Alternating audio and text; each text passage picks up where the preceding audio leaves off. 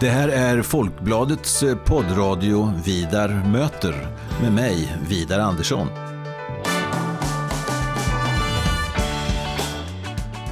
Jag är eh, chefredaktör på Folkbladet och jag är också ansvarig för Folkbladets ledarsida som eh, skrivs utifrån en oberoende socialdemokratisk hållning. Så i den här poddradion kommer jag att möta politiska personer av olika slag och vi ska ha ganska så korta och hoppas jag rappa samtal om stora och små samhällsfrågor. Varmt välkommen till Vidar möter.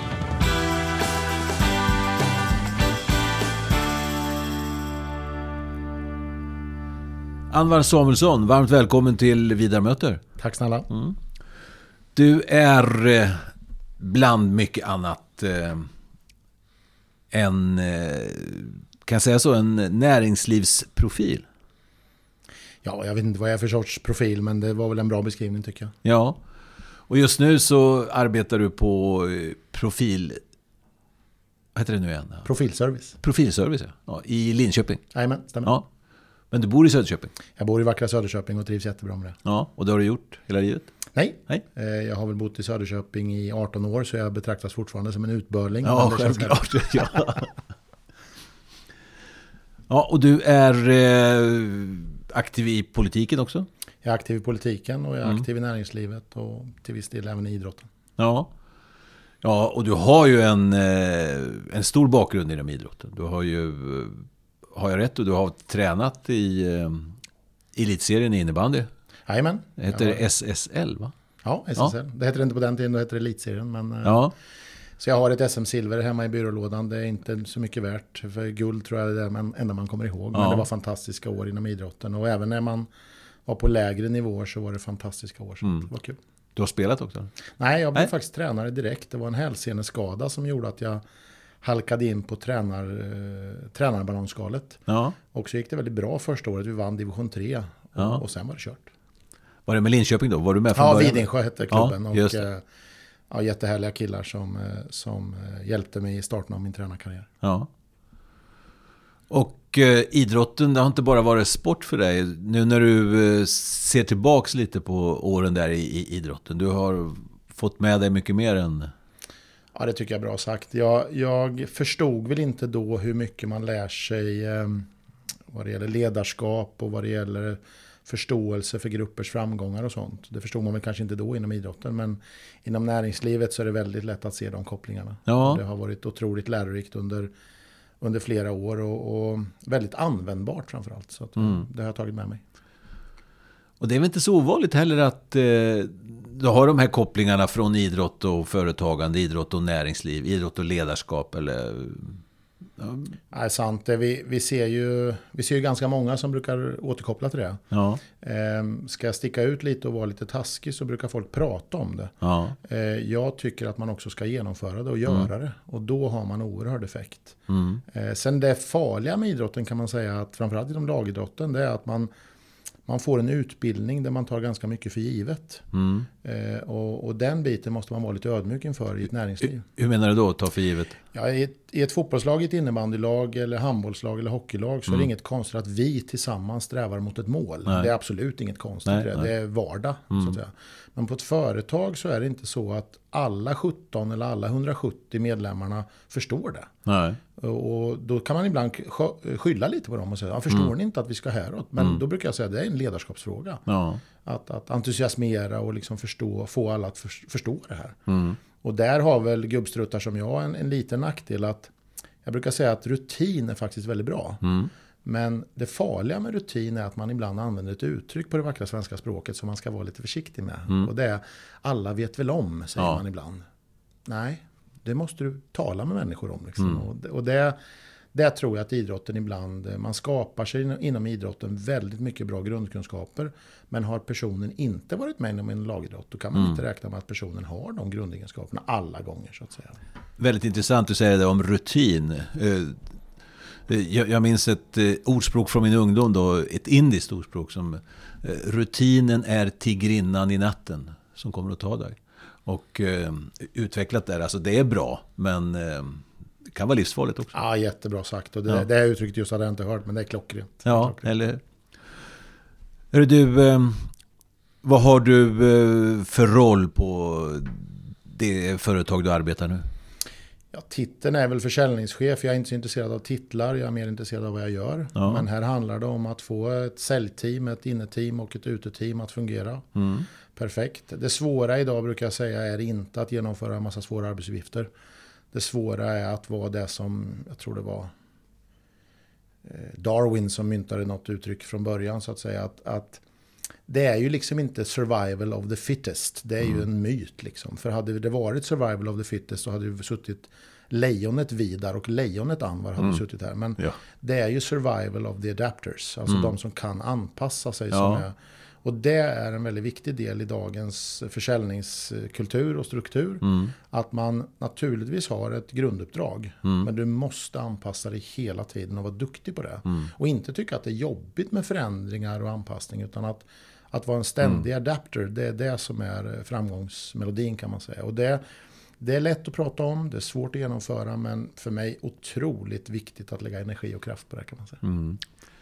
Mm. Det är kul du säger det, för anpassning det är ju sånt där ord som eh, många rynkar på näsan åt. Att man ska ha en slags anpassning. Det finns ju sådana väldigt negativa ord. Mm. Men anpassning, det är, det är väl det som har gjort oss som art framgångsrika, är det inte så? Eller? Jo, men så är det. Och, och, och den här arten, eh, om vi, om vi går över på företagarna, ja. så är det naturligtvis jättehärligt med människor som har otroligt hårda ristade grundvärderingar i sten. Mm. Det är väl härligt med sådana människor. Men om det blir så här, så här ska vi göra, så här har vi alltid mm. gjort då kommer du snart försvinna från marknaden. Och det mm. innebär inte att du är sämre som person. Men i framtidens företagande så kommer du inte ha en chans. Mm. Alltså det är, redan nu ser vi att företag som ligger kvar för länge i sin affärsidé och sin affärsstruktur, mm. de har inte en chans idag. Nej. Och där ser man ganska tydligt att förmågan att anpassa sig, förmågan att vara en adapter, det, det är framtiden. Och, och, det handlar återigen inte om bättre och sämre människovärde. Mm. Utan det handlar mer om att vill du att ditt företag ska överleva, ja, då gäller det att anpassa sig hela tiden. Mm. Du, kan man säga Anvar att eh, du är en, eh, en, en boren säljare? ja, det var... Ja, alltså... Jag, jag, måste få berätta en rolig historia. Vi, vi, eh, inom idrotten, jag älskade ju att vara inom idrotten. Mm. Jag hade till och med förmånen att få leva på min hobby som, som proffs. Även om det inom innebandyn inte fanns några pengar att prata om så var det ändå, det var mitt jobb. Ja, ja. Eh, och då var det väldigt många som sa till mig, du Anvar, du skulle passa i näringslivet. Mm. Problemet med komplimanger i det moderna Sverige är ju att vi svenskar kan ge komplimanger, mm. men vi har liksom inte så mycket baktanke med det. Tjena vidare, vilka snygga glasögon du har. Ja. Det betyder att jag tycker att du passar i glasögon. Ja, jag men jag har inga mer. Liksom. Så jag förstod inte riktigt det där. Du skulle passa i näringslivet. Var det beröm? Var det en klapp på axeln? Vad var det? Var det mm. tips? Men efter några år så hade flera sagt det. Mm. Och de hade inte sagt det i någon slags eh, berömfjäsk. Utan mer så här, du skulle passa i näringslivet. Ja. Och tänkte, nu har ju flera personer sagt det till mig. Och så började jag då jobba efter många år inom idrotten. Och eh, fick chansen som affärsutvecklingschef inom resebranschen. Mm. Och det tog väl ungefär två veckor tills jag förstod, aha. så att jag skulle nog börjat sälja glass tidigare för att skoja lite mord. Men, ja. men jag älskade idrotten och såg mig inte som någon, som någon säljare, men, men eh, det är klart att det är det. Ja. Ja, det, det kanske, är, kanske är de bästa säljarna. Du behöver inte, du behöver inte eller anstränga dig, vad ska jag säga? Det är klart du anstränger dig på jobbet, men att du, du har det i dig på något sätt. Ja, bra sagt. Och jag, jag tycker det är synd att ordet säljare har fått en negativ klang i Sverige. För att jag tror att man menar negativt med ordet säljare. Det är när man pratar om telefonförsäljare som är opersonliga och bara rabblar manus. Mm, mm. Det förstår jag att, att människor kanske kan vända sig lite emot. Men, men säljare är vi allihop. Det spelar ingen roll vad ja, du har för titel. Om mm. du är vaktmästare eller om du liksom, eh, tryckare eller om du sitter på ett inneställ. Det har inte så mm. stor betydelse. Du är ansiktet utåt för företaget och mm. tycker människor om dig och där du representerar. Ja, då är du i grunden väldigt bra för företaget. Mm. Sen vilken titel, ja, det spelar inte så stor roll alla gånger. Nej, precis. Och för mig är säljare absolut inget negativt ord. Utan jag, jag är ju i, i, i, den branschen också, även om jag inte måste möta en budget. Jag har en, en månadslön, jag måste inte möta en budget varje, var, varje månad. Min lön är inte beroende av hur många som läser mina texter till exempel. Men ändå så är ju det inbyggt i hela... Att liksom, är man opinionsbildare till exempel så handlar det om att få ut det, annars är det ingenting värt. Bra sagt. Eller hur? Då, kan man ju sitta och... behöver man ju inte ens trycka det. Om, om det inte... Ja, men det är bra, bra beskrivet ja, tycker mm. jag. Liksom. Och det är en viktig del idag. Mm. Hörru du, Anvar. Eh, jag, ehm, jag tänkte så här när jag frågade om du ville vara med i den här podden Vida möter. Att eh, näringslivet i hela världen upplever nu en väldigt svår kris, eller hur? Det, hur, känner, hur, känner hur känner du av eh, coronan? Och...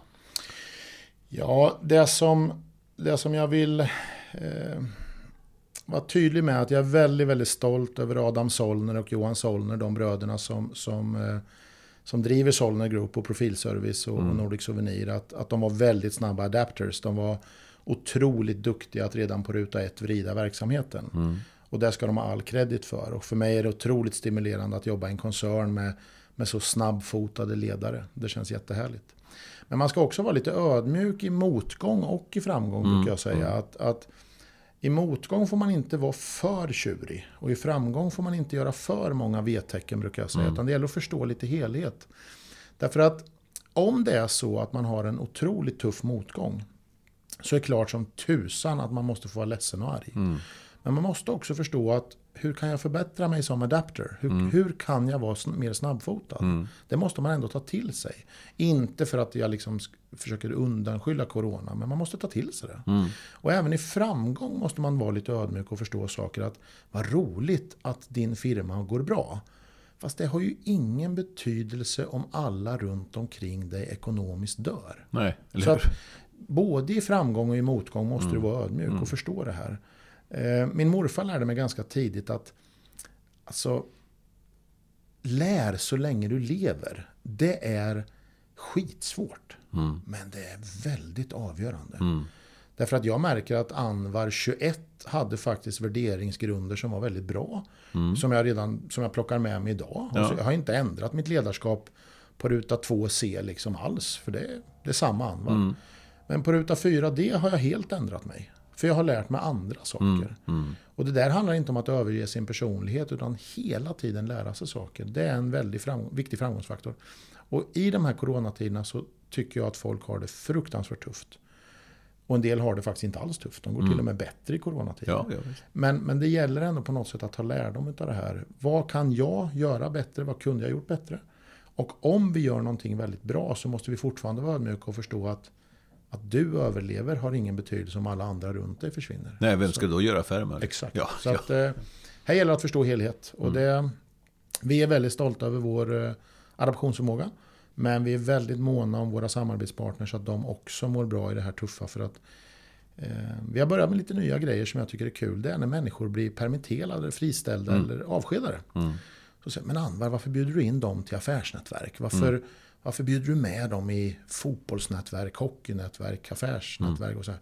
Ja, det är mycket enkelt säger jag. Den här personen är fortfarande väldigt kompetent. Mm. Den här personen råkar just nu vara arbetslös. Men den här personen kommer naturligtvis kunna tillföra jättemycket inom sex månader, inom mm. ett år, någon annanstans. Mm. Och då gäller det att vi fortfarande har en relation. Mm. Så att för mig är det ganska lätt att försöka hjälpa människor till nya kontaktytor. Inte för att jag tror att jag kan hjälpa alla. Men kan jag hjälpa en så är det världsklass. Mm. Hur ser motgångarna ut eh, för ert, ert företag nu? Motgångarna, hur yttrar de sig? Eh, profilmedia som, som eh, produkt. Alltså profilservice jobbar ju med profilprodukter. Mm. Och profilmedia idag är ju allt ifrån kläder ja. till produkter till profilreklam. Mm. Det kan vara så att det segmentet drabbas ganska tidigt i en nedskärningsprocedur. Mm, mm. Driver man världens bästa VVS-firma exempelvis så kommer man fortfarande behöva verktyg. Mm. Man kommer fortfarande behöva väldigt skicklig personal. Mm. Men det är inte säkert att du måste ha den där snygga förtroendeingivande piken. Mm. Därför att den piken förstärker dig mm. som person. Men det är fortfarande det viktigaste hur du levererar arbetet. Och där har profilprodukter som vi jobbar med kanske en tendens att strykas relativt tidigt på en mm. lista. Å andra sidan kan man vända på det att när världen öppnar upp sig igen, mm. då gäller det att du syns. Mm. Så att det finns två sidor av myntet där. Men mm. jag tycker din fråga är befogad och vi märker att eh, vi jobbar i ett segment som kan strykas tidigt på en lista. Mm. Har ni fått permittera och kämpa på för att övervintra tills det vänder? Eller? Nej, Nej, inga permitteringar. Vi vred verksamheten tidigt. Vi började med andra typer av produkter och tittade ganska tidigt på vad är det egentligen profilservice är duktiga på? Mm. Jo, vi är duktiga på inköp. Mm. Vi är duktiga på handel. Mm. Vi är duktiga på samarbetsavtal vad det gäller transporter. Vi är duktiga på att leverera produkter ifrån fabrik till slutkund. Och då kan man vrida verksamheten till någonting annat. Och det har vi gjort. Så vi levererar idag andra produkter mm. på, i till andra segment. Eh, och det fungerar jätte, jättebra för oss. Mm. Men målsättningen är ju precis som du säger. Det här är ju för att vi ska överleva en tid. Mm. För att sen gå tillbaka till profilprodukter. Och, och eh, jag tror så här att om corona håller i sig 2020 ut. Då tror jag vi har det tufft. Ja, ja. Men, du, men... då är vi två om det. ja, men börjar vi bara se ljus i tunneln, alla Kina, alla Spanien, alla Italien. Vi ser ju ändå, även om det är tragik, så ser vi ljuspunkter. Mm. Och pratar vi vändningar i restriktioner 31 maj eller 30 juni. Eller 30, mm. alltså, då peppar peppar tror jag på det här landet fortfarande väldigt mycket. Så att, eh, det är mm. timing vi pratar om nu. Mm. Jag tänkte med din bakgrund i näringsliv och politik och så. Det förs ju en allmän diskussion här mellan olika politiska partier och aktörer. Om huruvida staten gör rätt eller fel. Både med stöden till näringslivet och med insatser mot smittspridning och så vidare. Hur tänker du om de här sakerna? Ja, först och främst vad det gäller smittspridningen så tycker jag att vi gör helt rätt. Mm. Eh, och jag måste välja sida på staketet så man inte kör något fegissvar där. Mm, liksom. ja, mm. Utan jag, jag, tycker vi gör helt rätt. Jag är lite förvånad över att vi helt plötsligt på Facebook har 1,6 miljoner utbildade smittskyddsläkare. Ja, ja. Det, det, blir lite för mycket för mig så att säga. Mm. Så jag, jag, tycker faktiskt att vi gör helt rätt utifrån mm. de premisserna. Mm. Det som jag tycker att vi kan diskutera i svensk politik. Och här måste jag få ge en liten känga till vissa stora etablerade företag. Och här vill jag gärna prata om Valdemarsvik. Eftersom mm. jag har släkt i Valdemarsvik så vill jag prata gott och ont om dessa ja. underbara människor. Eh, jag kan prata om Borås, jag kan prata om flyget, jag kan prata om varven i Göteborg. Mm. Det är faktiskt så att vi svenskar har en tendens att pumpa in pengar i verksamheter som redan går dåligt. Mm. Och det där tror jag att vi politiskt i framtiden måste ta oss en funderare på. Varför räddar vi varvsverksamhet mm. med 3 miljarder när de innan det här inte ens gick ihop? Mm. För att prata varv, ja, för att prata textilindustri, för att prata... Mm. Varför går vi in med de här pengarna i flygbolag som mm. tidigare liksom har varit lite knackiga? Så att säga. Här tror jag inte att vi ska beskylla någon för någonting. Jag är inte mm. arg på någon politiker. Mm. Men tittar man på små och medelstora företag i Sverige så tillför de otroligt mycket till svensk totalindustri. Mm. Problematiken är att vi människor har svårt att hålla isär ordet industri. Mm. För det är ingen som jobbar inom besöksnäringen som tycker att det är en industri. Nej. Men det är det. Ja, är ni med? Alltså, ja, ja, och, och, har du 15 anställda så känner du så här, men jag har ingen stöttepelare i min kommun. Jo, det är du mm, faktiskt. Mm, mm. Eftersom du har 17 andra företag som har 15 anställda. Ja, och de här företagen har ju gått bra. Mm. Där tycker jag att vi politiskt måste bli bättre i framtiden. Att håll inte på att stötta verksamheter som inte har funkat på tre mm. år. Och sen kommer en lågkonjunktur och så skjuter vi in ännu mer pengar mm. i de industrierna. Och så säger vi så här till småföretagaren. Hörru du, du får klara dig själv. Mm. Den köper inte jag rent politiskt. Så mm. svaret på frågan är smittskyddsmässigt, klokt agerat. Mm. Företagsmässigt inte lika klokt agerat. Nej. Och då har jag inte kört ett fegigt svar och ställt mig vid tennisnätet utan jag har faktiskt valt sida. Mm. Så du menar att eh, det är mer, eh, inte, inte kanske omfattningen av stödet. Alltså för jag resonerar så här, jag menar, samhället är alltid mycket större än staten. Och staten kan ju aldrig gå in och bära samhället. Och det ska vi vara glada för. Vi har, vi har sett sådana samhällen. Ja, bra sagt, ja, Så de här stöden kommer alltid vara otillräckliga. Men ja. mer att, att man pekar... Ja. Det är klart, det är ganska grannlaga uppdrag. Ja, tittar man på Danmark exempelvis så har ju de valt en annan strategi än Sverige. Ja.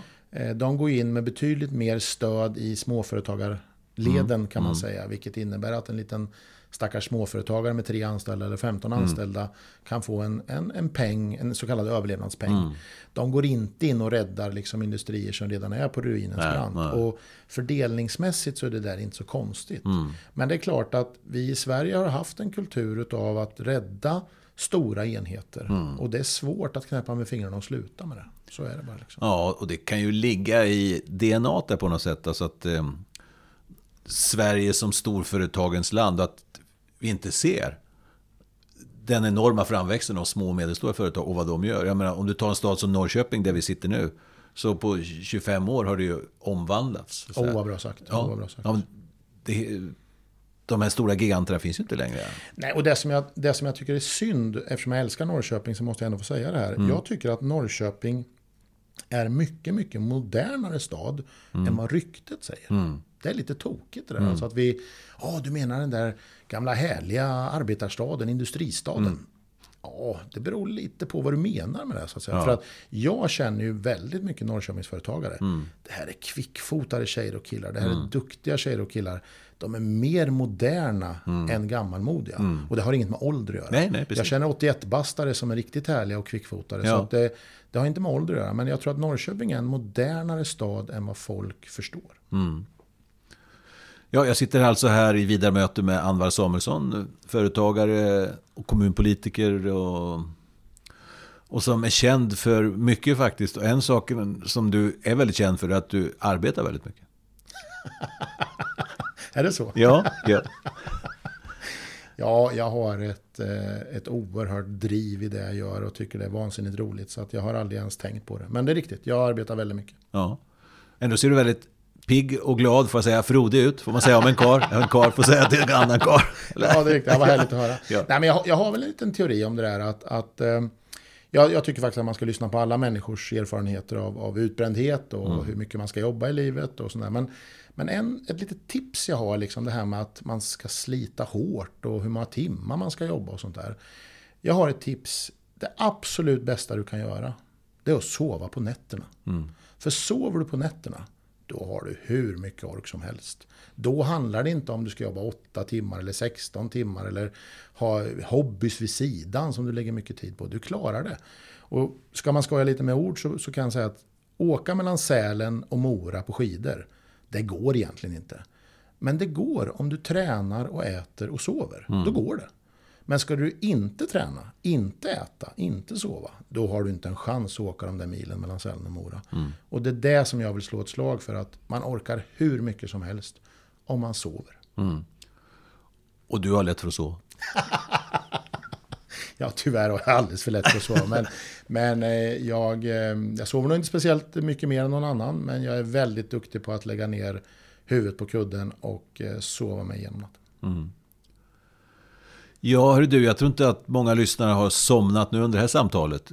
Eh, Anvar Samuelsson, jag är, är jätteglad att du ville komma till Vidamöter och, eh, och tiden har flugit undan. Så eh, jag får faktiskt säga att eh, det här programmet är slut nu. Och tack för trevlig inbjudan.